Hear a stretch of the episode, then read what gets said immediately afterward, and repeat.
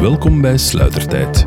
Ik ben Bert Stefani en gewapend met een koppel microfoons ga ik op zoek naar interessante conversaties en onderwerpen in de wereld van de fotografie.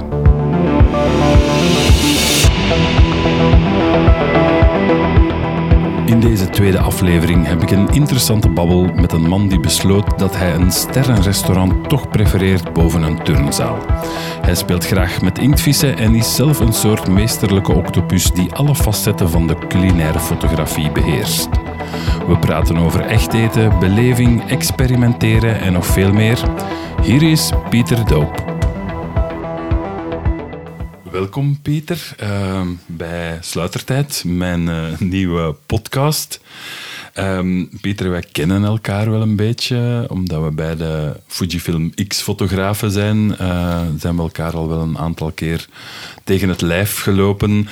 Um, maar eigenlijk weet ik buiten het, het, uh, ja, het, hetgeen dat op uw Instagram en website staat, weet ik eigenlijk ook niet zoveel van u. Dus ik vond dat wel een goed idee om uh, u een keer uh, in de podcast te halen.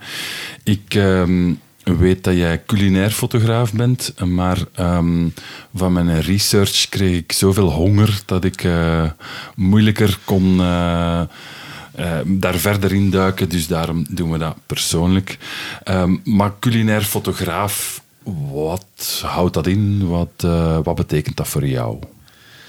Ja, voor, voor mij ja, begint of stopt het niet bij een bordje eten fotograferen. Ik vind het, vind het veel interessanter om eigenlijk heel dat verhaal rond, rond het restaurant te gaan brengen. En dat start bij, bij een chef tot een afwasser. Want uiteindelijk als die afwasser op dat moment er niet is, dan draait die service ook in de soep. Uh, maar dat gaat over interieur, de wijn, de dingen die gebeuren buiten op het veld of, of vissen gaan vangen, bij wijze van spreken. Maakt eigenlijk allemaal niet uit. Maar alles rond het eten of alles rond een restaurant gebeuren vind ik wel interessant om in beeld te brengen. Dus niet enkel dat eten. Ja, nu, um, ik ben ook geïnteresseerd in uh, lekker eten en zo, maar ik ben nooit uh, culinair fotograaf geworden. Hoe wordt iemand culinair fotograaf? Wat is uw traject eigenlijk naar uh, het werk dat jij nu doet? Ja, op zich, um, fotografie doe ik wel al lang. Vanaf mijn 16. Dus, dus ja, we zijn toch al 20 jaar bezig. Um, maar dat was nooit iets hoogstaans. Dan, dan, ja, ik studeerde lichamelijke opvoeding. Ik werd leerkracht lichamelijke opvoeding en biologie. Dat was allemaal leuk. Um, maar rond mijn dertigste zat ik ergens vast. Ja, ik wilde meer. Maar ik wist niet goed wat. Ik was op dat moment ook wel al bezig met fotografie in bijberoep. Maar dat was zo meer interieur voor een, voor een domotica-merk in Brugge. Waar ik nog altijd wel opdrachten voor doe. Um, maar dat was foto's nemen van interieur, van schakelaars, van touchscreens, van stopcontacten. En toevallig kwam ik een oud klasgenoot van het middelbaar tegen en daar moest ik uh, foto's maken van de nieuwe kamers van zijn bed en breakfast. En hij had daarnaast ook een bistro en plots zegt hij midden in die shoot, ja, er staan vijf gerechten klaar, wil je daar foto's van maken? Ik had dat nog nooit gedaan, dus ik wist ook niet goed, ja, hoe gaan we dat doen? Ik zeg, ja, oké, geef mij een kwartier, ik ga even nadenken, ik doe ondertussen verder, dan ben ik hier klaar. En goed, en ik stond boven de salade geitenkaas en ik had beslist, vanaf nu fotografeer ik nog maar enkele eten. Zalig. En, en ja, dan, ja, dan heb je die beslissing genomen, maar dan sta je daar ook. Ja, ik wil eten fotograferen. Ik had voor mezelf al duidelijk gemaakt van ja, ik wil meer dan, dan de frituur op de hoek of de bistro een beetje verder. Ik wil ja, de high-end gaan fotograferen. En dan heb ik eigenlijk mijn eerste jaar alles voor niets gedaan. Ik, ja, ik stond nog fulltime, op dat moment fulltime in het onderwijs. Um, ja, ik gaf lichamelijk opvoeding. Ik ga direct al zeggen ook, ik had tijd genoeg om er nog wat bij te doen. Hè, ik denk dat we nu net de helft van onze podcastluisteraars verloren zijn en dat de eerste klachtenbrieven binnenkomen. Ja. Dank u wel, Pieter. Um, dus voor mij was dat gewoon, ik had er heel deel aangeschreven en van een derde, denk ik, krijg je een antwoord uh, terug dat je wel mag gaan. Van een derde kreeg een antwoord liever niet. En een derde kreeg je nooit een antwoord. Maar goed, dat is zo. En dan heb ik... Ja, ik ben, ben gewoon overal langs geweest. En in het begin was dat inderdaad de focus uh, eten fotograferen. Zoveel mogelijk borden, de rest interesseert me niet. Maar stapgewijs toch ingezien dat het interessanter werd om, om dat geheel te combineren. En vooral de, de sfeer tijdens het service vind ik fantastisch. Meedraaien en eigenlijk meebewegen als één geheel met die chefs, met een camera in je hand. Ik vind dat eigenlijk wel leuk. Dat is iets wat we nu de laatste tijd uh, wat gemist hebben door die, door die corona. Maar op zich is, is, is dat meebewegen en eigenlijk het, het, ja, die gezonde spanning daar wel leuk in. En is er, allez, was er al een, een, een, interesse in het culinaire daarvoor? Of, of is dat toen eigenlijk gekomen? Um, ja, ik kom uit een gezin waar dat er wel altijd graag gegeten werd. Uh, mijn ouders gingen ook heel vaak op restaurants, dus er is ergens wel al een, een, een interesse. Um, ik kook ook heel graag. Um, maar daarvoor had ik niet echt de link gelegd dat eigenlijk die fotografie ook wel iets ging kunnen zijn. Ja. En op zich is dat dan, ja, na dat eerste jaar, tweede jaar wat betaalde opdrachten en plots ging dat heel snel. Zo de juiste mensen op het juiste moment tegenkomen voor een aantal grote namen mogen plots gaan werken. En dan is eigenlijk alles ontploft, want dat is nooit de bedoeling geweest dat dat zo groot werd. Maar dan moet je stoppen en dan moesten keuzes gemaakt worden. En gelukkig had mijn vrouw gekozen voor mij en moest het onderwijs wijken voor de fotografie. En dan ja, ja, nooit gedacht. Want uiteindelijk, ja, zij kwam uit een gezin met van zelfstandigen en je gaat nooit zelfstandig worden, zei ze. Maar zij had de knoop doorgehakt, omdat ik gelukkiger ben in fotografie dan in het andere. Dus uh, dan is het mooi natuurlijk. Hè? Ja, dus eigenlijk de combinatie van, van twee passies, dat wordt wel... Uh, uh, dat is ook iets waar ik zelf in geloof, is van om, om een goede fotograaf te zijn, heb je twee passies nodig. Eentje voor fotografie en eentje voor het onderwerp dat u in de eerste plaats, of dat je meestal fotografeert. Dus dat is ook wel iets dat bij u eigenlijk een beetje zonder dat je dat zelf helemaal door had, uh, dat ineens op een bepaald moment bijeenkwam. Ja, eigenlijk wel. Eigenlijk wel. Ja, het leuke is, ik zie... Ik heb kooklessen iedere dag, hè. Ik heb iedere dag een kookles of, of in een restaurant, je ziet iets, ja, die brandsende vis, en je gaat thuis, je koopt ergens een brander, je koopt vis en je begint hem te branden. Ja, en je krijgt dan nog kooklessen op het allerhoogste niveau, denk ja, ik. Ja, en dan maakt het wel leuk dat je eigenlijk op die manier dingen ziet dat je thuis gaat proberen en soms ben jij tevreden en soms de kippen. Hè. Dus het is, het is altijd wel iemand tevreden. Ja, als je kippen hebt. Ik zal ook kippen uh, beginnen houden, dat er toch altijd iemand tevreden is. Goeie tip. Um, dus dat is eigenlijk ja, eh, een soort van ja, moment dat alle dingen samen beginnen lopen. En uh, dan inderdaad waarschijnlijk ook stukje de juiste persoon met het juiste product op het juiste moment uh, dat dingen bijeenkomen. Ja. Super. Uh, nu, Pieter, um, ik heb um, zelf wel eens uh, een spiegelei gefotografeerd, maar ik heb weinig ervaring in uh, die sector. Stel nu, dus ik wil eigenlijk graag een beetje weten van, van hoe gaat dat proces in zijn werk. Stel, ik ben een chef en ik uh, begin een, uh, een spiegelei-restaurant. Ik contacteer jou. ik zeg, ik heb foto's nodig. Hoe gaat dat dan in zijn werk? Ja, laten we zeggen dat de spiegelei fotograferen al geen makkelijke is. Hè.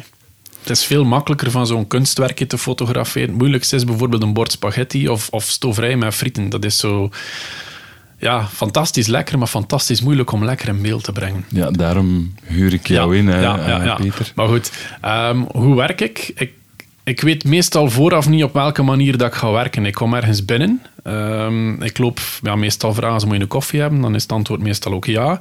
Dan loop je vijf minuutjes rond en op dat moment heb je eigenlijk al de, de atmosfeer wat geproefd. Of, of weet je ook in welke stijl dat je gaat werken.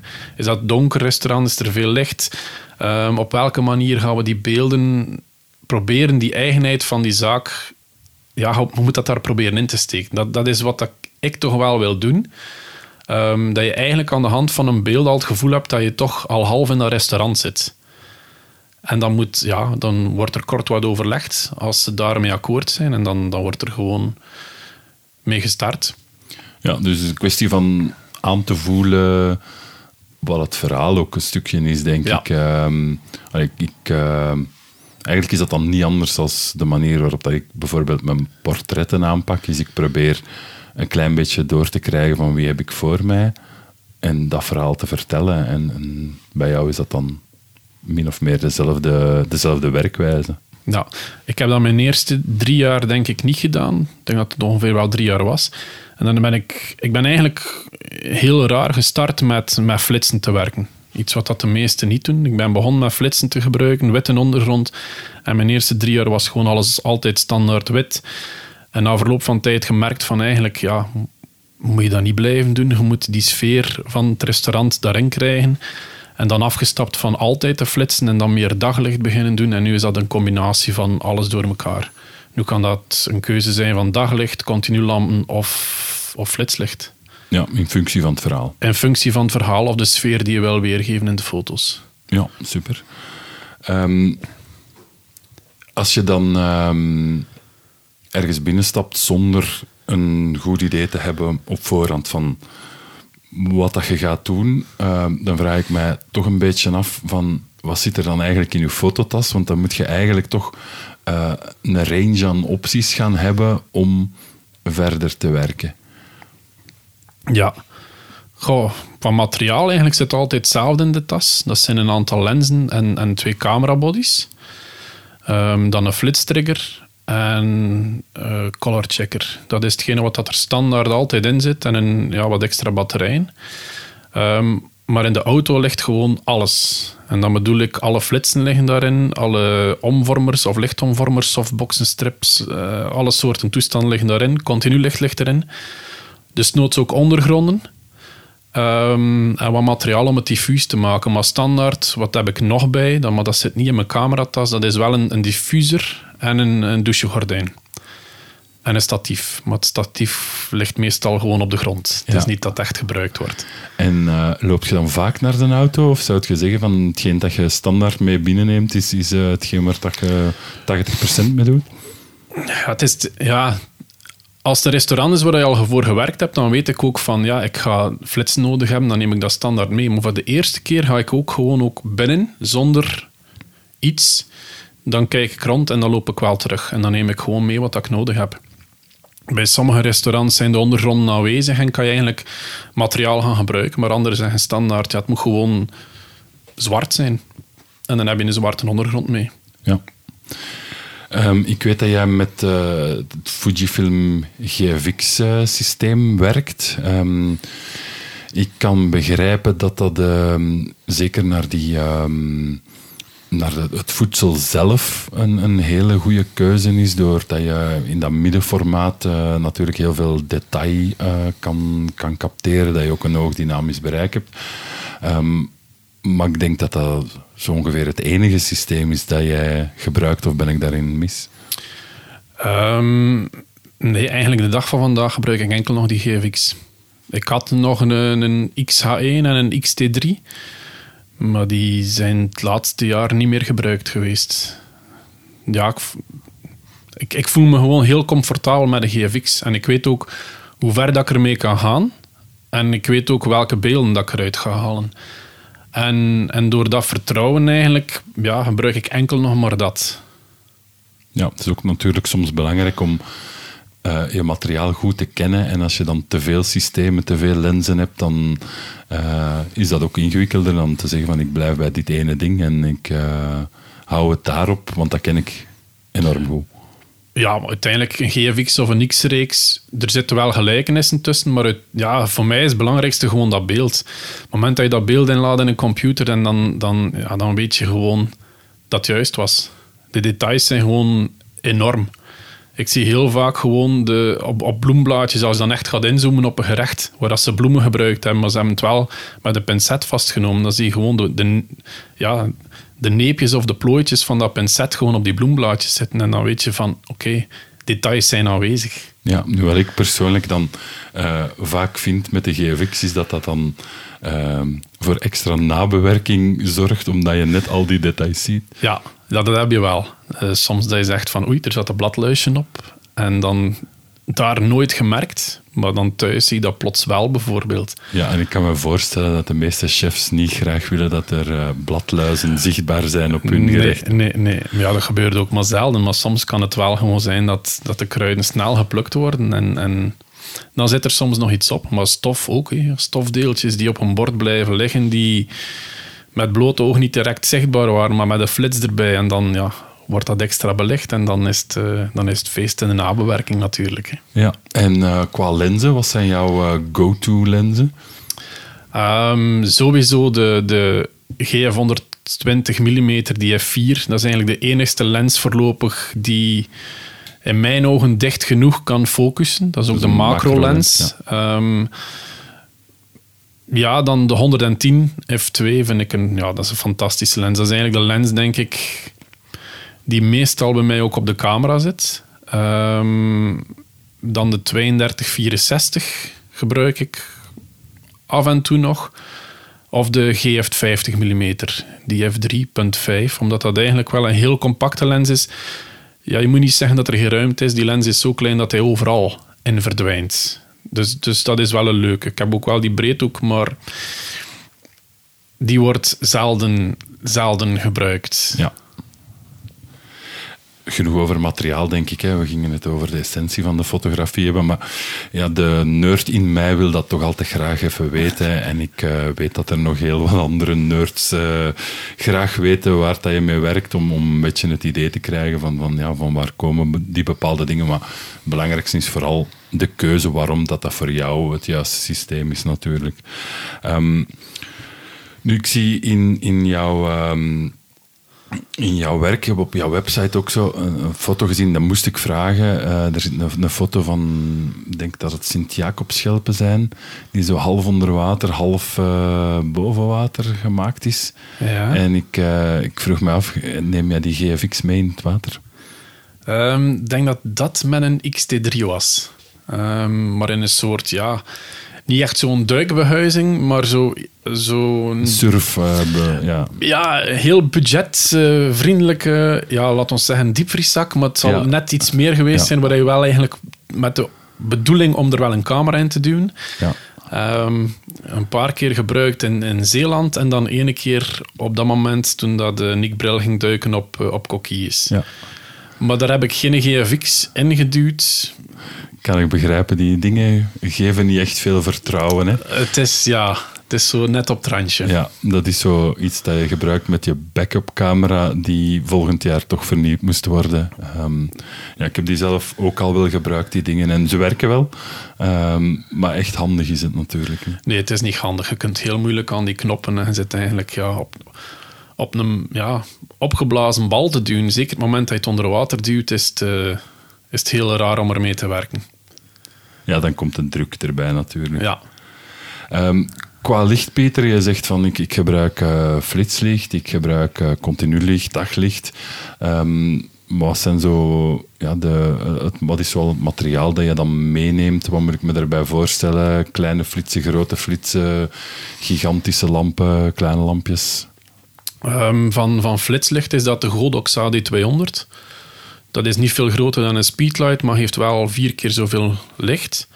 Ehm, dus dat zijn eigenlijk de flitsen die meest gebruikt worden. Ik heb nog wel grotere van Godox, maar ja, dat is dan echt voor heel specifieke opdrachten. Maar meestal restaurant, zeker food of portret, zijn die AD200's. En dan voor eh, continu licht is dat een Nonlight Forza 60 of een Forza 300. Ook een beetje afhankelijk van... Dat zijn LED-lights. Dat eh, zijn, ja, dat zijn LED-lights. Die Geen paneeltjes, maar eh, echt... Nee, eh, ik heb paneeltjes ook. Dat gebruikte ik vooral in het begin. Maar ja, een, een nadeel, als je het een nadeel kan noemen, een paneeltje is zachtlicht. Eh zachtlicht kan je heel moeilijk hard maken. Die spotjes zijn hardlicht, maar hardlicht kan je hard laten, maar kan je ook zacht maken. Dus, dus dat is dan het voordeel, omdat dat net iets veelzijdiger is. En dat hardlicht vind ik wel leuk voor harde schaduwen en, en veel contrast te kunnen steken op bepaalde momenten. Dus, dus eigenlijk zijn dat de, de, de delen die gebruikt worden met dan een deel omvormers of, of ja, maar dat kan even een douchegordijn zijn of een softbox. Dus dat maakt eigenlijk echt niet uit. Ja. Met eh het douchegordijn heb ik lang geleden toch iets in gang gezet, denk ik. Ja. Ehm, wat ik mij afvraag, ehm, die gerechten die jij fotografeert, zijn die nog eetbaar? Want je hoort vaak van die, die dingen over, ehm, er wordt haarlak over gespoten voor glans en eh, dat soort dingen. Ehm, wordt dat nog gedaan of doe jij dat? Ik pruts niet met het eten. Het enige dat ik zou durven doen, is ehm, blaadjes verleggen, omdat ze beter zouden overkomen op de foto. Ehm, maar voor de rest ga ik er niets aan veranderen en is alles eetbaar. Ehm, in het begin had ik ook gewoon alles op. Dus dan had ik gewoon Ja. ook ieder gerecht die op de foto stond, had ik ook gewoon op. Daar ben ik wat van afgestapt, omdat de kilo's toch ook serieus de hoogte gingen. Ehm, maar ik kan wel geloven dat bijvoorbeeld in bepaalde vormen van fotografie, zeker in de reclamewereld, dat er echt nog wel gefoefeld wordt met eten. Ehm, maar in hetgene wat dat ik doe, eigenlijk echt niet. Dat, ja, het is ook veel moeilijker. Ehm, het moet ook gewoon een weerspiegeling zijn van wat dat de klant krijgt in het restaurant. Zo puur en zo echt mogelijk. En moest het echt constant gefoefel zijn, ik zou er nooit aan begonnen zijn. Dan, dan, voor mij stopt het ook. Ik wil verhalen brengen die echt zijn. En niet iets die ja, op iets moet lijken. Nee, het moet gewoon zijn zoals dat is. Ja. Ehm, kwestie van, eh, dat, dat kunnen we dan nog een beetje verder trekken naar nabewerking. Ehm, ik weet daar ook dat er foodfotografen zijn die eh, Photoshop-composities maken met 100 lagen om ehm, dat beeld te maken. Hoe zit dat bij jou? Ben je daar ehm, lang aan bezig? Ehm, wordt dat heel erg gemanipuleerd of is het eerder een kwestie van het beste eruit te halen? Ja, bij mij, ik pr- probeer wel ehm, een aantal standpunten van een gerecht te fotograferen. En dan ja, in nabewerking gewoon te kijken van wat zijn, die, wat zijn de mooiste. Ehm, ik ga ook nooit één standpunt afleveren aan een klant. Probeer een, een drie, drie verschillende soorten standpunten af te leveren. Omdat dat toch vooral individueel is. Ehm, en dan werk ik die foto's af. Maar bij mij is dat meestal gewoon in Lightroom. Kleur juist zetten, wat contrast toevoegen. Ehm, zorgen dat als het kan, bijvoorbeeld die, met die clownstempel hier en daar, er wat ja, stofdeeltjes uithalen of die toestanden. Maar echt Photoshop, ik gebruik het wel een keer als, als ja, Lightroom te beperkend zou zijn. Maar het is niet dat er van alles mee gefoefeld wordt nadien. Dus eigenlijk optimaliseren, eh, Ja. daar Ja. komt het op neer. Uiteindelijk is het gewoon puur dat kleuren juist. Dat vind ik wel het belangrijkste. De kleuren moeten wel juist zitten. Ehm, maar voor de rest, er is niet dat dat, eh, dat beeld gemaakt wordt nadien. Nee, het beeld en, en het gerecht is gemaakt zoals dat, dat de chef dat wenst. Ja, dus in camera is eigenlijk jouw standpunt. Ja, eh, ja. En dan alleen nog nabewerking is om te optimaliseren. Ja, ja. Ja. Ehm, jij biedt, hè, we hebben dat daar straks al een beetje bekeken. Je biedt eh, niet alleen de, het voedsel aan, eh, of de fotografie van het voedsel. Het voedsel wordt aangeboden door de chefs natuurlijk. Maar ehm, je hebt die gerechten, je hebt die actie van, van tijdens een service. Je hebt eh, de sfeer, je hebt interieur, exterieur. Ik zie ook detailfoto's van interieur en zo. Ehm, ik zie portretten van, van personeel, van chefs. Dus dat is eigenlijk die, die, ja, dat complete plaatje. Ik kan eigenlijk zeggen dat je soort van one-stop shop bent voor alle fotografische vereisten van eh, de culinaire wereld. Is dat, een, is dat een bewuste keuze of is dat iets dat meer gegroeid is? Ehm, het is wel meer gegroeid. In het begin was echt gewoon de bedoeling, ik wil enkel borden fotograferen. Ehm, maar toch, ja, heel snel gemerkt van, uiteindelijk is het wel leuker als je alles gewoon kan aanbieden. Ehm, die mensen hebben niet veel tijd. Als je dan al verschillende fotografen moet laten komen om verschillende dingen te fotograferen, dan is het al heel moeilijk. Maar dan is ook die stijl heel moeilijk. Dan merk je wel, stel je met verschillende fotografen, ja, één iemand interieur, één iemand food en dan één iemand portretten, ja, die beelden gaan nooit matchen, want iedereen heeft ergens zijn eigen stijl, zijn eigen insteek. En ja, voor heel veel van mijn opdrachten was dat vooral dat, dat Instagram en, en, en social media verhaal. En dan is het gewoon belangrijk dat er daar een stijl in zit, een lijn in zit en dat die gewoon ook doorloopt. En portretten was in het begin niet echt mijn ding, maar ik vind het wel steeds leuker om te doen. Ja, ik, eh, ik denk ook van die.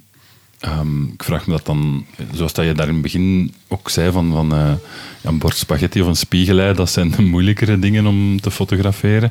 Want wat jij fotografeert zijn eigenlijk al een beetje kunstwerkjes eh, op zich, die interieurs en zo wordt ook vaak enorm veel aandacht aan besteed. Wordt waarschijnlijk ook soms eh, uitbesteed aan getalenteerde ontwerpers om, om dat zo goed mogelijk te maken. De bordjes, eh, alles in een restaurant is natuurlijk belangrijk. Dus ik kan me wel voorstellen dat dat dankbaar is, dat, dat je die kunstwerkjes voor je lens krijgt. eh, en, en is dat dan eigenlijk een beetje de, de reden waarom dat jij naar die high-end gegaan bent? Goh, ja, waarom dat? Dat weet ik eigenlijk zelf niet. Ja, het is, ja, het, is veel makkelijker om te doen. Allee, dat, daar ben ik eerlijk in. Het is makkelijker om, om een mooi gerecht te fotograferen dan ja, frietjes met, met stoofvleessaus. Maar, maar ja, het is, het is ook een, hele leuke wereld of een speciale wereld om in te zitten. En ik denk dat dat misschien minder ging hebben dan ander, ik weet het niet. Eh, ik heb gewoon beslist, of, of voor mezelf uitgemaakt, van ik wil in de high-end wel, wel, wel daar iets doen. Eh, maar waarom specifiek daarin, dat weet ik nu niet direct. Ik vind dat een, ja... Daar moet ik nog een keer over nadenken. Dat is een goede vraag. Je bent aan het solliciteren om nog een keer terug te komen op deze podcast. nee, maar ja, het is, het is fijn dat ik jou een beetje van slag kan brengen. Ja? Ehm, nu, wat ik, ja, toen ik jou leren kennen, dat is ondertussen een paar jaar geleden, maar nog niet zo heel lang geleden, dan associeerde ik jou toch in de eerste plaats met bordjes voedsel.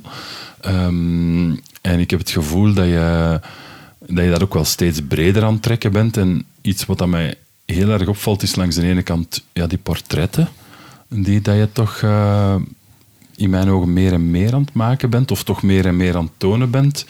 Ehm, is dat ook iets dat eh, een beetje als noodzaak begint en dan de interesse komt daarna? Of, of de evolutie daarin is, is iets dat je ja, gewoon neemt zoals dat komt? Ja, uit noodzaak niet direct. Ehm, in het begin was dat gewoon ja, voedsel en dan kwamen die actiebeelden in de keuken erin. Omdat dat echt wel heel leuk is, dan, dan heb je echt het karakter van een chef. Dat zijn karakterkoppen, dan, dan zit die focus daarin, zweet op het voorhoofd. Ja, dat, dat zijn gewoon pure, pure echte beelden. Ehm, maar ik had altijd gezegd, portret is mijn ding niet. Maar uiteindelijk van, zo'n mensen vind ik het wel leuk, omdat dat ook karakters zijn. En je kunt dat moment of, of die ja, die persoon op een bepaalde plaats krijgen en dan wel een, een leuk portret van kunnen maken. Het zijn ook geen modellen, die, die weten ook niet... Ja, sommigen verstijven volledig voor een camera. Dus, dus het is wel al leuker dat je ze goed kent, bijvoorbeeld. En dat je ze kunt zeggen, ja, staat daar, kijk gewoon op die manier. En we zorgen dat dat beeld wel leuk is. Dus, dus dat vind ik wel leuk om te doen. Ik zou het nooit willen doen van modellen. Dat is echt mijn ding niet. Ja, wat ik zelf wel eigenlijk altijd het leukste vind, is ehm, foto's maken of portretten maken van gepassioneerde mensen. Ik denk dat dat altijd zoiets is. Dat, eh, en ik kan me voorstellen dat die, ja, die chefs, dat moeten gewoon gepassioneerde mensen zijn. Ja, anders hou je dat gewoon niet vol. Dat is, dat is een... Ja, nee. Ik denk dat, dat ik het een week zou kunnen, misschien. Maar dan, dan lig ik eh, half dood, denk ik, in de zetel. Tempo en, en, en de, de gedrevenheid waarbij dat sommigen alles uitvoeren, is, is ja, impressionant. En ja, echt indrukwekkend. Ja. Het meest opvallende vind ik, als ik dat dan, hè, jouw, ehm, jouw werk en de evolutie van jouw werk eh, bekijk, ehm, hetgeen dat mij het hardste opvalt in misschien het laatste jaar, twee jaar, is, is het eh, documentaire gedeelte. Ehm, ik denk dat je die sfeer en zo, en, en ehm, dat dat er altijd wel wat in zit, maar ik zie daar wel een... een eh, ja, dat dat toch iets is dat je meer en meer mee bezig bent, is om, om dat echt documentaire, en dat gaat dan verder dan het idee van reportage, van te registreren wat er gebeurt. Het gaat er meer over het vertellen, het interpreteren en vertellen van wat dat er gebeurt. Ehm, dat is iets dat mij heel erg opvalt in, in, eh, ja, in, in eigenlijk zo het laatste jaar, twee jaar. Eh, is dat ook zo, of is dat iets dat al langer bezig is? Nee, maar uiteindelijk merk je ook dat de laatste twee jaar in de keuken dat er daar ook verschuivingen zijn. Mensen willen daarom niet veel vlees eten, maar ze willen wel lekker vlees eten. Geen groot stuk, maar dus noods een kleiner stuk waar ze toch ook de geschiedenis van kennen. Of, of dat er toch mensen hebben meer voeling terug, of, of op een bepaalde manier. Het is moeilijk om te omschrijven, maar ze gaan meer terug naar dat pure product. En het voordeel als je dat ook ehm, doet, is dat er ook veel meer verhaal te tonen is. Of dat er veel meer ja, verhaal achter iets zit en dat je dat ook allemaal kan brengen. En ik denk ook deel dat verhaal brengen, dat dat ook is door ja, misschien een aantal boeken of boekprojecten dat ik kan doen heb. En dat dat daar ook meer en meer belangrijk is. Dat dat niet gewoon... Ja, er zijn ook pure receptenboeken, maar in, dat ene boek dat ik toch wel kunnen doen heb, Seafire met Willem Hille, um, daar heb ik ja, echt wel heel veel energie kunnen insteken. En echt was de bedoeling van een verhaal te vertellen. Het verhaal zoals dat moest getoond worden. En dan ja, is dat ook heel leuk om dat op die manier te doen. Ja, met een boek heb je natuurlijk ook uh, meer tijd en ruimte, kan ik me voorstellen, om uh, dat documentaire te laten gebeuren. Uh, ik heb zelf heel graag van, van ja, dat je een beetje het kader creëert waarin dingen kunnen echt gebeuren, dan dat je ze eigenlijk gaat moeten naspelen om te fotograferen. En dan komt dat documentaire wel meer tot zijn recht. Dan um, is er ook een stukje voorspelbaarheid dat wegvalt. Wat dat ook op een, ja, wat dat heel leuk en interessant kan zijn, omdat je, ja, er dingen gebeuren die je misschien zelf niet in je hoofd zou hebben om te gaan fotograferen totdat ze gebeuren.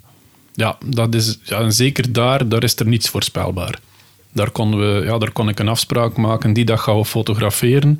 Uh, we moeten tien gerechten doen. Je zorgt dat alles klaar staat. Ja, er stond niets klaar. Uh, van de tien werden er misschien maar vijf gedaan. En, en ook, maar, maar het is spontaan. En dat is ook het leuke. Um, als je echt alles zou moeten vastleggen, ja, dat werkt gewoon niet. Het is ook veel leuker van alles gewoon spontaan te doen. Mee te gaan in de duinen, daar zien wat dat er groeit. Er wordt alles geplukt. En dan wordt er in het restaurant gewoon nagedacht van, ah, dat gaan we doen. Dat ga ik vandaag bereiden. Dat gaan we fotograferen. En dat is klaar. En, en ik vind dat ook veel leuker dan dat gewoon een, een, een, een draaiboekje zou zijn. Ja, om tien uur gaan we dat doen. Vijf na tien gaan we dat doen. Nee, het is organisch en het loopt allemaal door elkaar. En dat vind ik wel heel leuk om, om te zien en te doen. Vertel misschien even van, van waar gaat dat boek over? Uh, hoe is dat tot stand gekomen? Hoe ben jij daarbij uh, bij terechtgekomen? Ja, um, Seafire is eigenlijk een boek over Willem Hiele, um, een chef uit Kokzijde, die in een oud vissershuisje eigenlijk, die al heel lang in de familie zit, een restaurant heeft. Um, ja, is, iemand die puur op product werkt. Product um, uit de regio, uit de Noordzee. Um, en heeft zo'n aantal ja, speciale technieken waarbij dat je bijvoorbeeld een, een, een tarbot volledig op de barbecue ook legt en dat die vis op hetzelfde moment uh, gerookt, gestoomd en, en gegrild wordt. Dus dat is al iets die heel speciaal is, maar ook fantastisch om in beeld te brengen, want ja, je zit met rook en stoom en, en ja, vuur. En uiteindelijk zijn dat ook de mooie dingen. Um, maar ja, alles heeft daar gewoon karakter. Alles is, ja, alles is geleefd. Die, chef heeft geleefd, die chef heeft het verhaal om te vertellen, het verhaal van de familie. Um, werkt ook alles lokaal, dat, dat huis heeft een ziel. Dus, dus het is wel heel leuk om in beeld te brengen. Um, en uiteindelijk, ik kende wel al langer, uh, maar uiteindelijk ja, hoorde ik dat hij een boek ging maken. En, en um, was ik er de maand voordat er beslist ging worden wie dat de fotograaf ging worden bij Willem. En ik heb die beelden doorgestuurd naar de uitgeverij en die hadden beslist van kijk, goed, Pieter, jij mag die foto's maken. Um, dus ja, ik ben kannibaal wel heel dankbaar voor die kans ook. Ja, en is dat um, een beetje een kantelpunt geweest dat je zegt van dat is een richting die ik uh, meer wil opgaan? Voor mij wel. Voor mij was dat niet het eerste boek, maar wel zo het eerste boek dat ik iets had van, goh, als je mee, ja, mee het verhaal kan, kan brengen, wat dan misschien heel fout klinkt, maar, maar gewoon wel dat je visueel daar ergens een inbreng kunt in hebben. Dat, dat, dat, dan is dat wel iets heel leuk om al die tijd en energie in te steken. Um, het is ook iets, een opdracht waarvan dat je weet dat je toch een langere tijd gaat aan werken. Um, het is iets helemaal anders dan bijvoorbeeld weten van um, restaurant X uh, vraagt foto's. En dan op het einde van de shoot is dat goed tot de volgende keer. Maar wanneer is de volgende keer?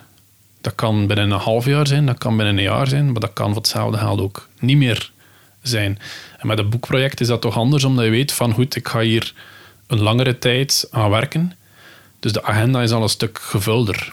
Ja, en dat is ook een soort intensiteit om met iemand samen te werken natuurlijk, om die dat je niet bereikt in een shoot van één dag.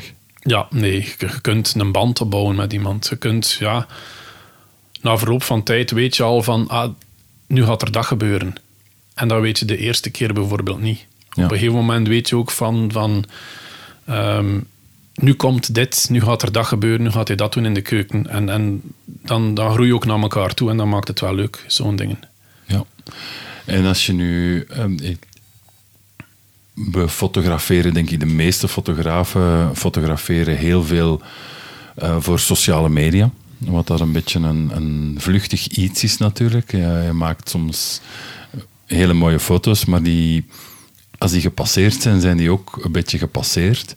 En dan ehm, is zo het tragen en het duurzame van een boek wel een mooi eh, ja, tegengewicht eigenlijk eh, tegen dat, dat vluchtige van ja, die, die sociale mediafoto. Ene keer dat daar iemand doorgescrolld is, gaat hij die waarschijnlijk nooit meer te zien krijgen. Maar een boek, dat staat in je kast en dat, eh, dat staat er binnen tien jaar waarschijnlijk nog. Ja, dat is inderdaad het grote voordeel. Of dat vind ik toch, het- toch zeker het leuke eraan. Inderdaad, social media is zo vluchtig. Ehm, extreem vluchtig, want soms moeten die foto's al afgeleverd zijn voordat je thuis komt, bij wijze van spreken. Sommigen hebben echt dat idee, ja, die foto geduwd op die knop en die is er. Maar eh, die zouden dan mij bij wijze van spreken zo snel willen posten. Terwijl je weet van, ja, in een boek wordt er echt over nagedacht van welk beeld gaan we waar plaatsen en waarom. Ehm, en dat vind ik wel heel leuk om, om, om te doen. Plus dan ook het, het fysieke. Die foto fysiek nog een keer zien. Iets wat dat er nu... Ja, vroeger was het gewoon zo. Ik ben zo begonnen. Oud toestel, filmrolletje erin. Ja, en dan wachten totdat die foto's er waren. En dan, plots zag je maar resultaat. Nu ja, is het gewoon allemaal zo snel. Dus uiteindelijk is het wel leuk om terug dan dat fysieke printgevoel terug te hebben in een boek. Ja, ik kan me ook voorstellen dat denk dat jij iemand bent die wel oog heeft voor detail. En dat zie ik toch in, in jouw foto's, dat, eh, dat alles belangrijk is, dat, eh, dat er een subtiliteit in, in de beelden zit.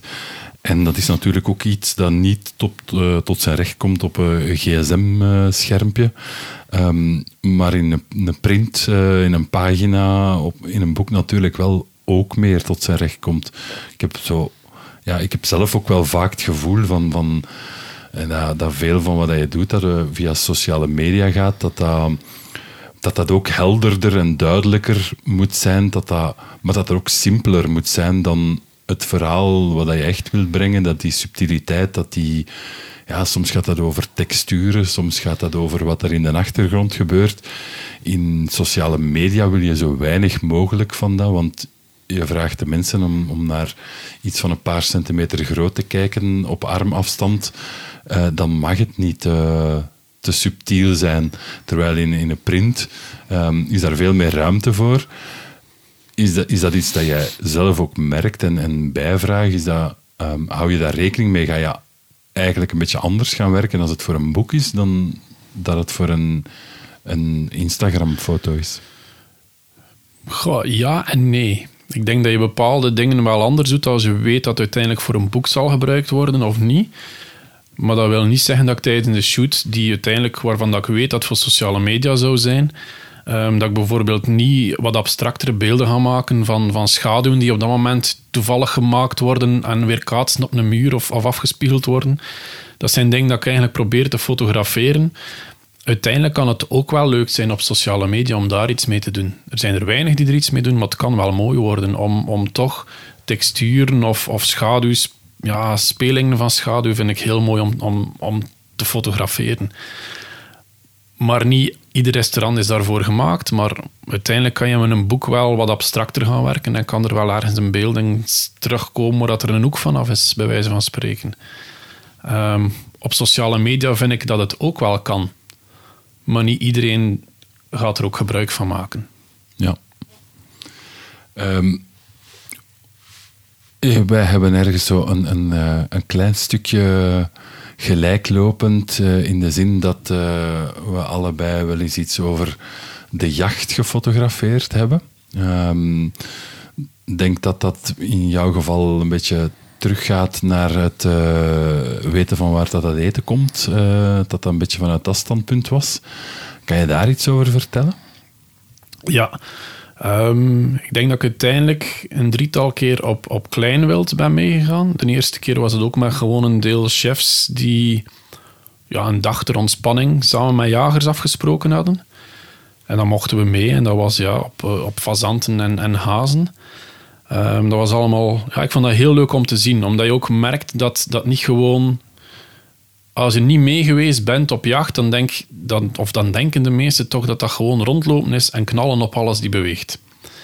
En uiteindelijk merk je ook dat dat niet zo is. Dat er echt wel nagedacht wordt van op wat gaan we schieten en op wat gaan we niet schieten. En dan ook voor dat boek met, met Willem Hiele ben ik kunnen meegaan met een aantal jagers op grootwild. En, en dat vond ik heel indrukwekkend om te zien, omdat dat echt wel Um, uiteindelijk ga je meer gaan wandelen en gaan kijken naar dieren met een verrekijker van, ja goed, hoe oud is dat dier? Is dat klaar om geschoten te worden, ja of nee? Dus je merkt echt wel dat er eerbied is voor, voor het product, uh, voor het dier en voor het leven van dat dier. En dat er nagedacht wordt over, ja, als we dan nu schieten, wat gaat er gebeuren met ja, het ecosysteem er? Ik vond dat op dat moment wel heel indrukwekkend om te zien. Ehm, dus, dus ik vond het wel mooi. Ook mooi om te brengen. Uh, heel veel mensen zijn soms gechoqueerd als ze die beelden zien, maar op zich, ja, als het wel in je bord mag liggen, dan moet je ook zien van waar dat komt. Ja, en de koe van de biefstuk die je eet, die wordt ook op een bepaald moment doodgedaan natuurlijk. Maar dat is, ja, ik, ik vraag daarnaar om, omdat ik daar zelf wel soms heel heftige reacties op krijg, van, van dat je een authentiek verhaal probeert te brengen. Ehm, maar dat dat soms ook wel uh, voor wat commotie of tegenstand uh, kan zorgen. Is dat iets waar dat je dan over nadenkt of dat je gewoon zoiets hebt van, ja, dit... Uh... Nee, want een van die foto's waarbij dat, dat, dat Willem Hiele eigenlijk op dat moment ook dat... De, uh, het was een muntjak, denk ik, aan het ontwijden is. Dus alle darmen er aan het uithalen. Dat was voor mij een foto die in het boek moest. En dat ik anders echt op mijn achterste poten ging staan om te zeggen van bij de uitgeverij van dit moet erin. Maar uiteindelijk, ja, daar zijn ze ook heel ruimdenkend en daar moest het ook gewoon in dat boek. Dat was het verhaal. Ja, ehm, ja ik zou het... Ik post regelmatig wel foto's dat je bijvoorbeeld ook duiven of, of ander uh, producten die gerijpt worden of die aan een haak hangen en zo verder. Ja, soms krijg je reacties, goed, maar ik trek me er eigenlijk weinig van aan. Ik zou het nog, nog meer doen om te choqueren. Want iedereen vindt het wel lekker totdat ze het zien hangen. Ja. En, en, ja, en dat zie je ook heel vaak als je dan toch meedraait in die restaurants. Um, dat bijvoorbeeld in bepaalde plaatsen wordt het ook getoond. Tonen ze de eend voordat hij... Ja, de eend die opgevuld is met hooi, bij wijze van spreken. En dan gaan ze mee rond aan tafel. En dan zie je sommige vrouwen ook, of mannen... Um, ja, verontwaardigd kijken van... Ja, wat gebeurt er hier? En straks ligt het wel in het bord en is het wel allemaal lekker. Het is natuurlijk zoiets dat, um, dat ik zelf dan behoorlijk veel mee bezig geweest ben en nog ben, is, is van hoe kan ik um, dat verhaal op een manier brengen dat die, die schoonheid ervan ook gezien wordt. En um, ja, soms creëert het inderdaad wat reacties, maar soms creëert dat ook heel positieve reacties. Ik denk dat ik er daar uiteindelijk al meer positieve dan negatieve over gekregen heb omdat je dan toch ergens een verhaal vertelt dat bij de, het doorsnee publiek minder bekend is. Maar ik, uh, ja, bij de, toen dat de, de X-Pro 2 uitkwam en het vijfjarig bestaan van uh, uh, het X-systeem van Fujifilm, hebben ze toen ook in een tentoonstelling een foto van mij geselecteerd, uh, van, ook van het ontwijden van een, een ree. Wat dat mij zeer verbaasde dat ze die gekozen hebben. En ik denk zelfs dat die nog op de website van Fujifilm Japan staat. Dus het, het kan wel degelijk. En voor mij is het dan de moeite waard van... Uh, als het lukt om een keer heel die sfeer te kunnen vatten in een beeld, waardoor dat dingen bespreekbaar worden, vind ik dat wel de moeite om te doen. Ja, uiteindelijk ook. Um, ik ben naar Japan geweest ook. En een van de beelden dat ik zeker wou hebben, was de Ikejime-techniek. Dat is eigenlijk een techniek waarbij dat ze een, een, een vis doden, maar ook onmiddellijk met een soort naald door het gaan, waardoor dat die vis eigenlijk ook onmiddellijk dood is. Um, maar dat ook die, ja, de versheid van het product nog beter is, dat dat vlees ook malser zou zijn en zo verder. En het was een techniek waar ik al veel van gehoord had, nog niet gezien had. Dus ik wou het eerst ook zien, Maar ik wou het ook in beeld brengen, omdat er eigenlijk ook heel weinig foto's van bestaan. Er staan wel filmpjes van, maar het is allemaal zo... Ja, het was nog nooit mooi in beeld gebracht, ik zo zijn. En uiteindelijk, ja, als het een techniek is die al zo lang gebruikt wordt, dan is het misschien ook wel mooi om in beeld te brengen. En dat vond ik eigenlijk ook wel. Ja. Was dat op eigen initiatief dat jij naar Japan gegaan bent? In eerste instantie was dat vooral voor mezelf. Ehm, ik wou teruggaan naar het begin en uiteindelijk ben ik begonnen met, met fotografie als een hobby. En, en uiteindelijk wordt dat groter en wordt dat plots je job. Maak je van je hobby je beroep en iedereen zegt, amai, tof, tof, tof. Dat is ook heel leuk, dat ga ik zeker niet ontkennen, maar op dat moment ben je ook je hobby kwijt. En het was voor mij een heftig jaar geweest. Ik had heel veel opdrachten, heel veel achter de feiten moeten nalopen, vooral in nabewerking dan. En ja, ik doe dat niet graag. Dan, dan, ja, dan lever je soms te laat af. Ehm, en dan had ik gewoon beslist van goed, um, ik ga weg, ik ga alleen weg en ik wou naar Japan. En dan ben ik gewoon ook uh, ja, beginnen zoeken. En ik had wel al contacten met een aantal chefs, doordat ze hier al gekookt hadden. En dan die mensen gecontacteerd van goed, ik ga langskomen. Um, en dan was het eigenlijk meer een soort ruilhandel. Ja, een soort van, ja, kan ik eten of slaapplaats krijgen in ruil voor foto's? Dat was voor mij wel goed en leuk. En, en ook met een aantal, met twee messenmakers op die manier kunnen afspreken.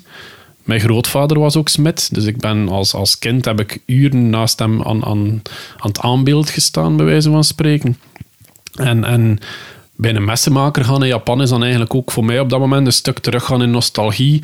Teruggaan bij iemand die, die met metaal bezig is. Die geur ook van die smeedvuren op dat moment. Dat was eigenlijk allemaal wel heel mooi om te zien. En dan heb ik eigenlijk gewoon zelf um, ja, een trip uitgestippeld waarvan dat ik dacht, daar ga ik iets leuks kunnen zien. De, ja, ik wilde sowieso tonijnveiling zien en zo wat andere dingen.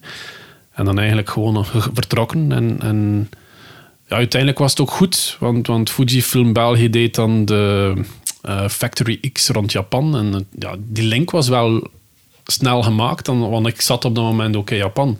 Dus dan was het eigenlijk wel leuk ook.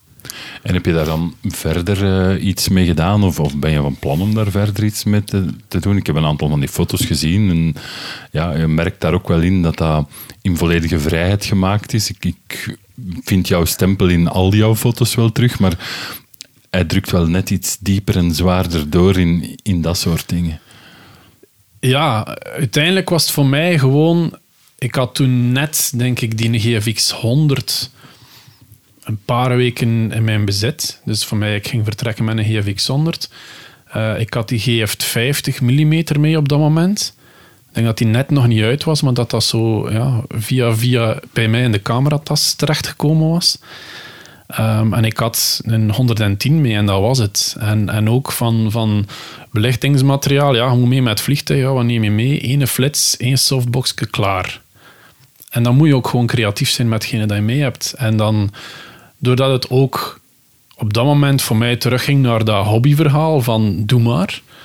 Ja, dan had ik gewoon op dat moment een idee van ja, ik ga gewoon alles ja, freestyle, bij wijze van spreken. Gewoon doen wat ik denk dat het op dat moment wel leuk kan zijn. En misschien andere invalshoeken, dat licht anders plaatsen, wat je anders nooit zou doen, omdat het altijd een betalende opdracht is en dat je eigenlijk altijd wel moet afleveren.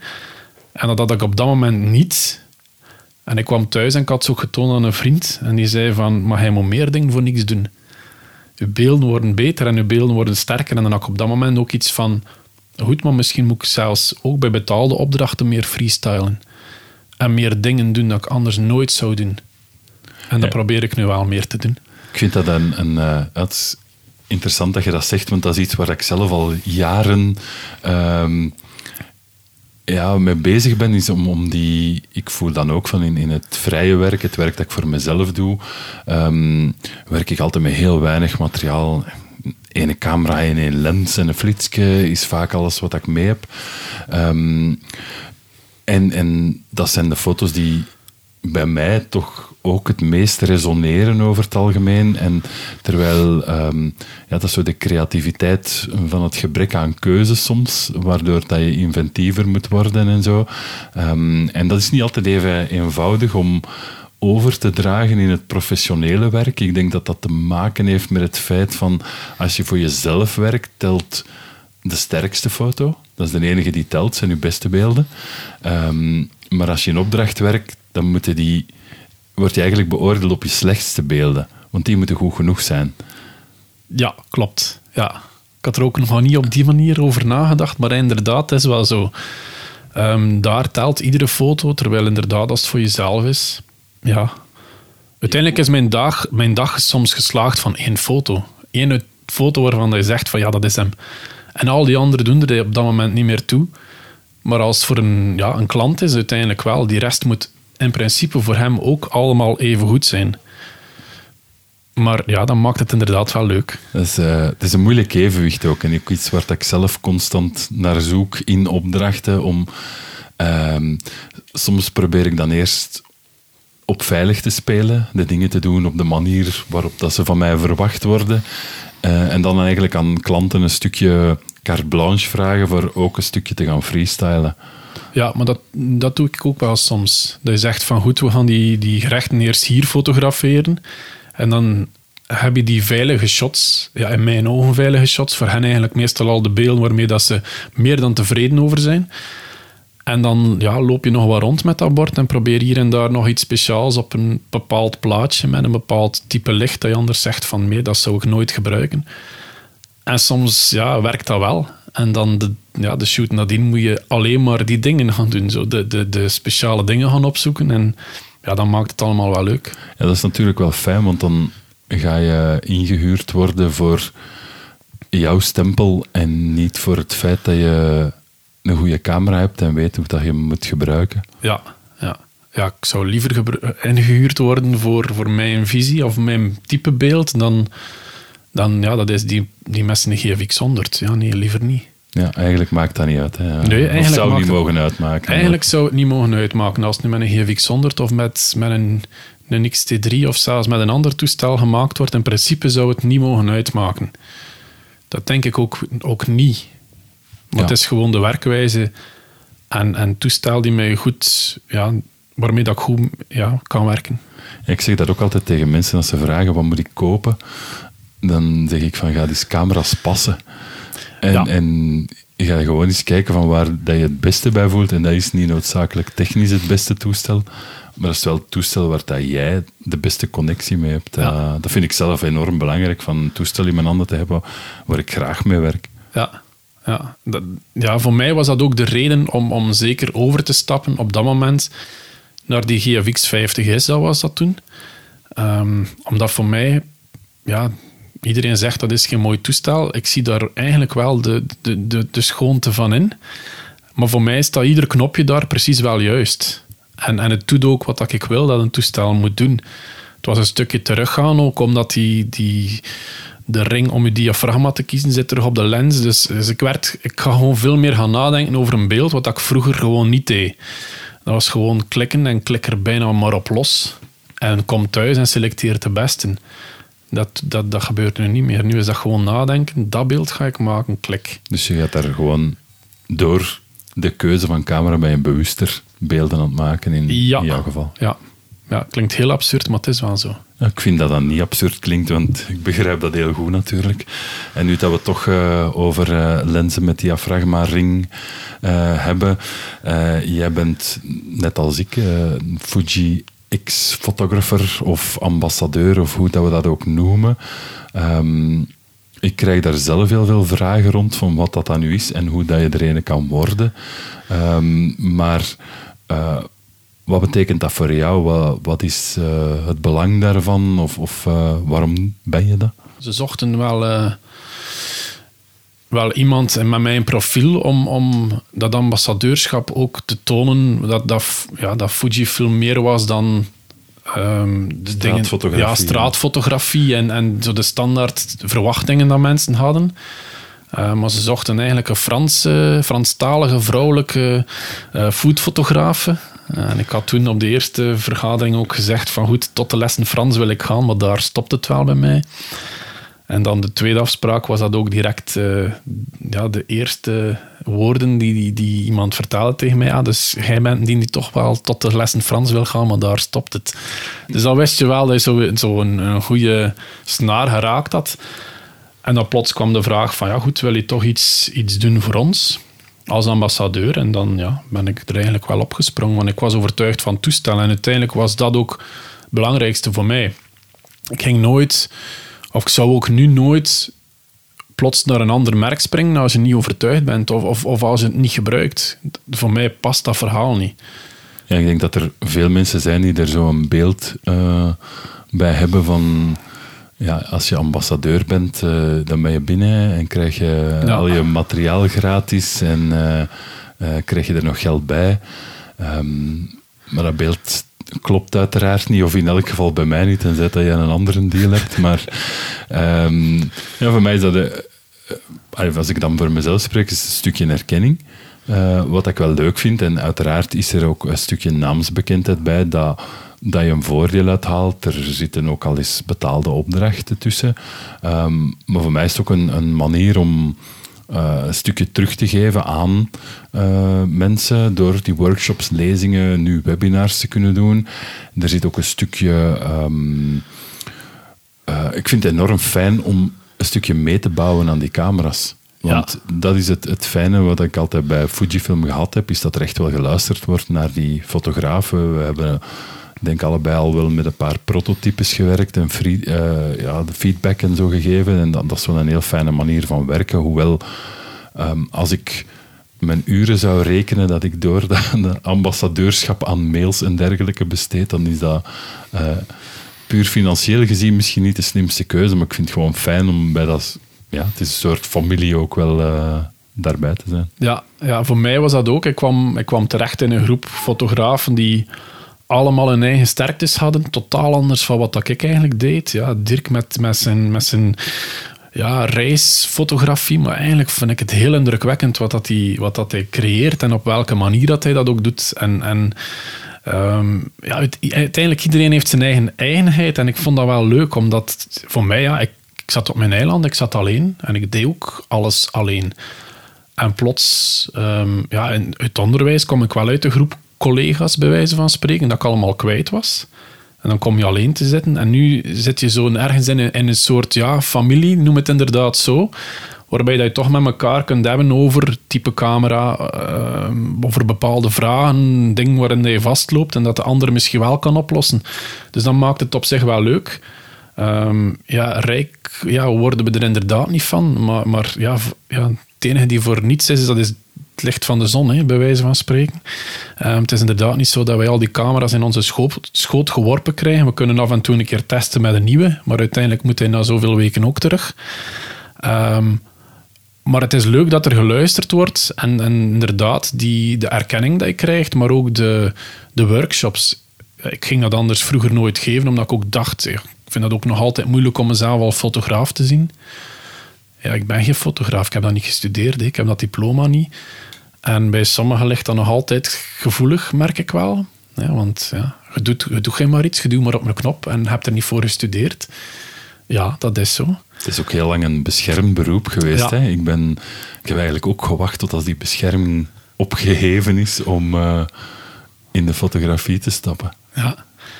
Um, maar op zich, ja, die workshops geven is op zich wel, wel leuk, omdat je mensen ook... Um, ja, iedereen denkt soms dat het enorm ingewikkeld moet zijn, maar soms kan het ook gewoon heel simpel zijn. Hè? Ja, zet dat bord gewoon dichter tegen de venster, met desnoods wit karton of douchegordijn, en dan gaan de ogen soms open. En dan, dan ja...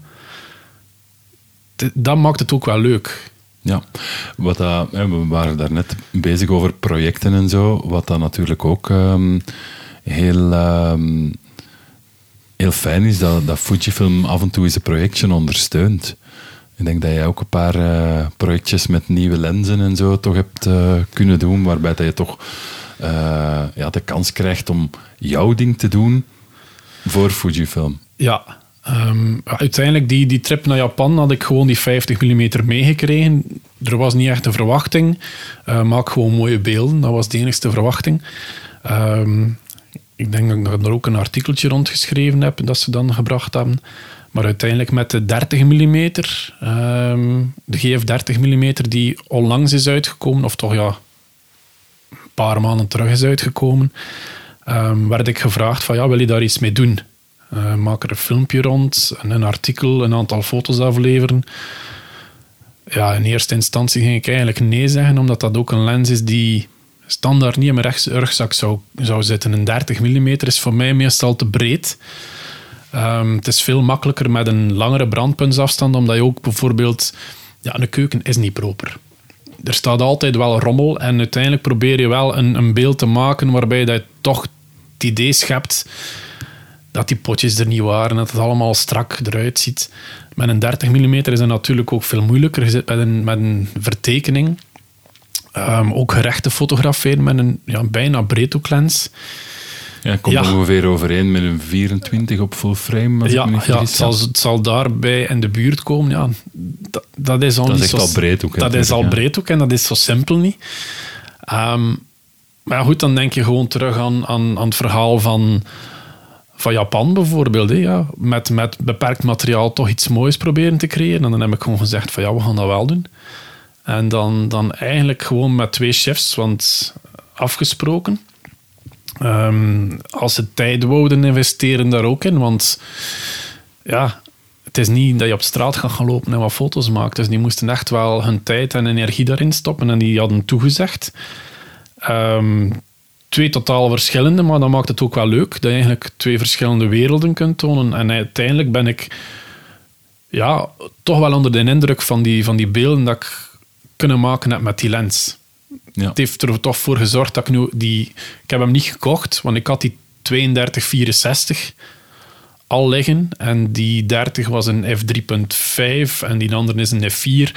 Ja, is het dan de investering waard voor 2 mm verschil? Op dat moment voor mij niet, als je toch maar weet dat hij ja, meer dan 95% in de rugzak gaat blijven liggen. Ik gebruik nu wel meer die 32 mm dan ervoor. Ja, brengt, uh, het is ook wel fijn dat het, uh, uh, het ambassadeurschap u af en toe een beetje uit de comfortzone duwt om andere dingen te gaan proberen. Ja, natuurlijk. ja. hetzelfde met die 250 mm. Op maar rekenen 200 mm, maar ik heb hem wel gebruikt om gerechten te fotograferen. Ja. Ik heb hem een keer meegenomen naar een, een drie-sterren restaurant in Nederland, omdat ik gewoon op dat moment ook iets nieuws wou doen. Ja. Ja, je hebt de kans, je bent er. Ja, gebruik hem dan ook. En dan, dan heb ik gewoon gerechten gefotografeerd met een 200 mm lens. Ja, ik vond dat ook een hele moeilijke, want ik ben iemand die probeert zo weinig mogelijk lange lenzen te gebruiken. En mij was dan ook gevraagd om met die lens een projectje te doen. Uh, maar ik vind dat dan inderdaad wel verhelderend om te moeten. Uh, en om daar dan iets rond te bouwen. En, en ja, dat is bij mij ook wel een van de grote voordelen van dat ambassadeurschap natuurlijk. Ja. Nu, Peter, ben je zelf nog met andere projecten bezig? Uh, heb je dingen die nu in de pipeline zitten waar dat je over kan en wil praten? Ik probeer me nu vooral meer te focussen op, op een aantal boeken, boekprojecten dat ik zou willen starten. Of, of ja, mee ga starten. Um, ja, zoals al gezegd, omdat je dan ook weet dat het voor langere tijd is dat je daar energie en, en, en plezier gaat aan beleven. Um, ja, ook omdat een stuk uh, financieel ook zeker, ja, een stuk financieel zeker. Je weet al van ja, langere tijd, dus dan weet je al. En anders is het gewoon afwachten totdat er iemand belt, want ik ga niet echt actief op zoek naar klanten. Um, ja, nu ook door, door de omstandigheden dat vooral heel veel restaurants ja, allemaal gesloten zijn en eigenlijk takeaway. Ja, het is nogal zonde van, van iedere week ergens naartoe te gaan en eten in kartonnen bakjes te gaan fotograferen. Dus dan, dan liever niet. Uh, ben ik zo wat aan het experimenteren met dingen die al, al langer in mijn hoofd zaten. Een serie Blacked, waarbij dat ik alles gewoon ook zwart maak. En eigenlijk op die manier, uh, ja, ik heb bijvoorbeeld een, een, hamburger en frietjes en, en, en de beker van, van de McDonald's of de Quick allemaal zwart gemaakt en daar dan foto's van gemaakt. Um, lijkt heel simpel, maar het maakt het toch een stuk uitdagender dan dat is, want alles is mat zwart. Dus de reflecties die je normaal krijgt in een foto, krijg je op dat moment niet. En op zich is dat een uitdaging. Maar ik krijg heel... ik kan daar weinig energie uit halen. Dus dan maakt het zo... ja, het is dubbel. Het is aan de ene kant geleerd bij. Je, je maakt wel iets leuks. Een, een bepaalde reeks bijvoorbeeld. Maar op zich, moest ik dat iedere dag moeten doen, dan, dan, dan lukt het niet. Ja, je hebt afwisseling nodig. Ja, ja. En dat heb je in die restaurants wel. Iedereen heeft zijn eigen stijl, iedereen is anders. Eh, maar je zit ook vooral met die, ja, ik zeg het, tijdens een service, die adrenaline en dat, dat, die stress die er dan aanwezig is, niet bij mij, maar wel bij hen, vind ik wel leuk. Ik vind dat heel leuk om, om, om in te zitten. De stress van een ander fotograferen, dat vind ik zelf ook altijd geweldig. Ja, ja, ja. Maar dan moet je ook weten op welk moment hij moet stoppen. Ja, er zijn momenten dat je echt moet stoppen. Ja, dat je uit de weg moet gaan. Ja, ja. Ehm, ik ehm, zie in, hè, als ik jou op Instagram volg, dan um, jij blijft altijd heel erg on-brand. eh, alles is heel herkenbaar. ehm, altijd met eenzelfde hoge kwaliteitslat. ehm, en altijd puur naar het culinaire gericht. Ehm, daarom dat ik me soms afvraag van, doe je daarnaast, fotografeer je nog wel eens iets anders? Heel weinig. Omdat ik mij bewust ook eh, ja, gefocust heb op die, op die food en dat culinaire. Dus als ik een keer iets anders doe, dan ga ik dat meestal ook daar niet gaan posten. eh, of, of daar tonen. Ehm, ik doe af en toe nog wel een keer iets anders, maar ik zeg het, dat is ja... Dan 1 op 10 zou ik al niet kunnen zeggen. Dan zou al naar 100 moeten gaan. En dan is het bijvoorbeeld maar 5 op de 100 die een keer echt iets anders zijn. Maar dan is dat bijvoorbeeld wel nog die interieurs voor, voor dat domotica bedrijf waar ik ooit mee begonnen ben. Dat ik wel nog doe. Ehm, en dat zal het zo bijna ook, ook zijn. Ja, En buiten het professionele? ja. Als we gaan wandelen neem ik soms wel een camera mee. Maar uiteindelijk is dat ook veel te weinig. Als je kijkt, als ja, iedereen denkt, ja, je bent fotograaf, je hebt wel van iedere week wel een album van de kinderen. Ja, nee. Per half jaar soms zelf niet. En dat is heel erg om te zeggen, hè. maar, maar ja, dat kan zijn dat, dat ik een half jaar geen foto's gemaakt heb van de kinderen. Op zich erg, dat besef ik ook. Ja, ik merk dat er zo eh, meestal twee extremen zijn. Je hebt de, de fotografen die weinig of niet fotograferen in hun vrije tijd en je hebt fotografen zoals ik zelf die altijd een camera bij hebben. Ik heb ook wel heel vaak een camera bij. Ook gewoon dat je weet, we gaan wandelen een hele dag in het bos. Ik neem hem bij. En waarom? Maar misschien, misschien omdat er zo één moment is op die dag dat dat licht goed valt tussen die takken en dat je ergens iets ziet dat je denkt van, ja, we hebben hem.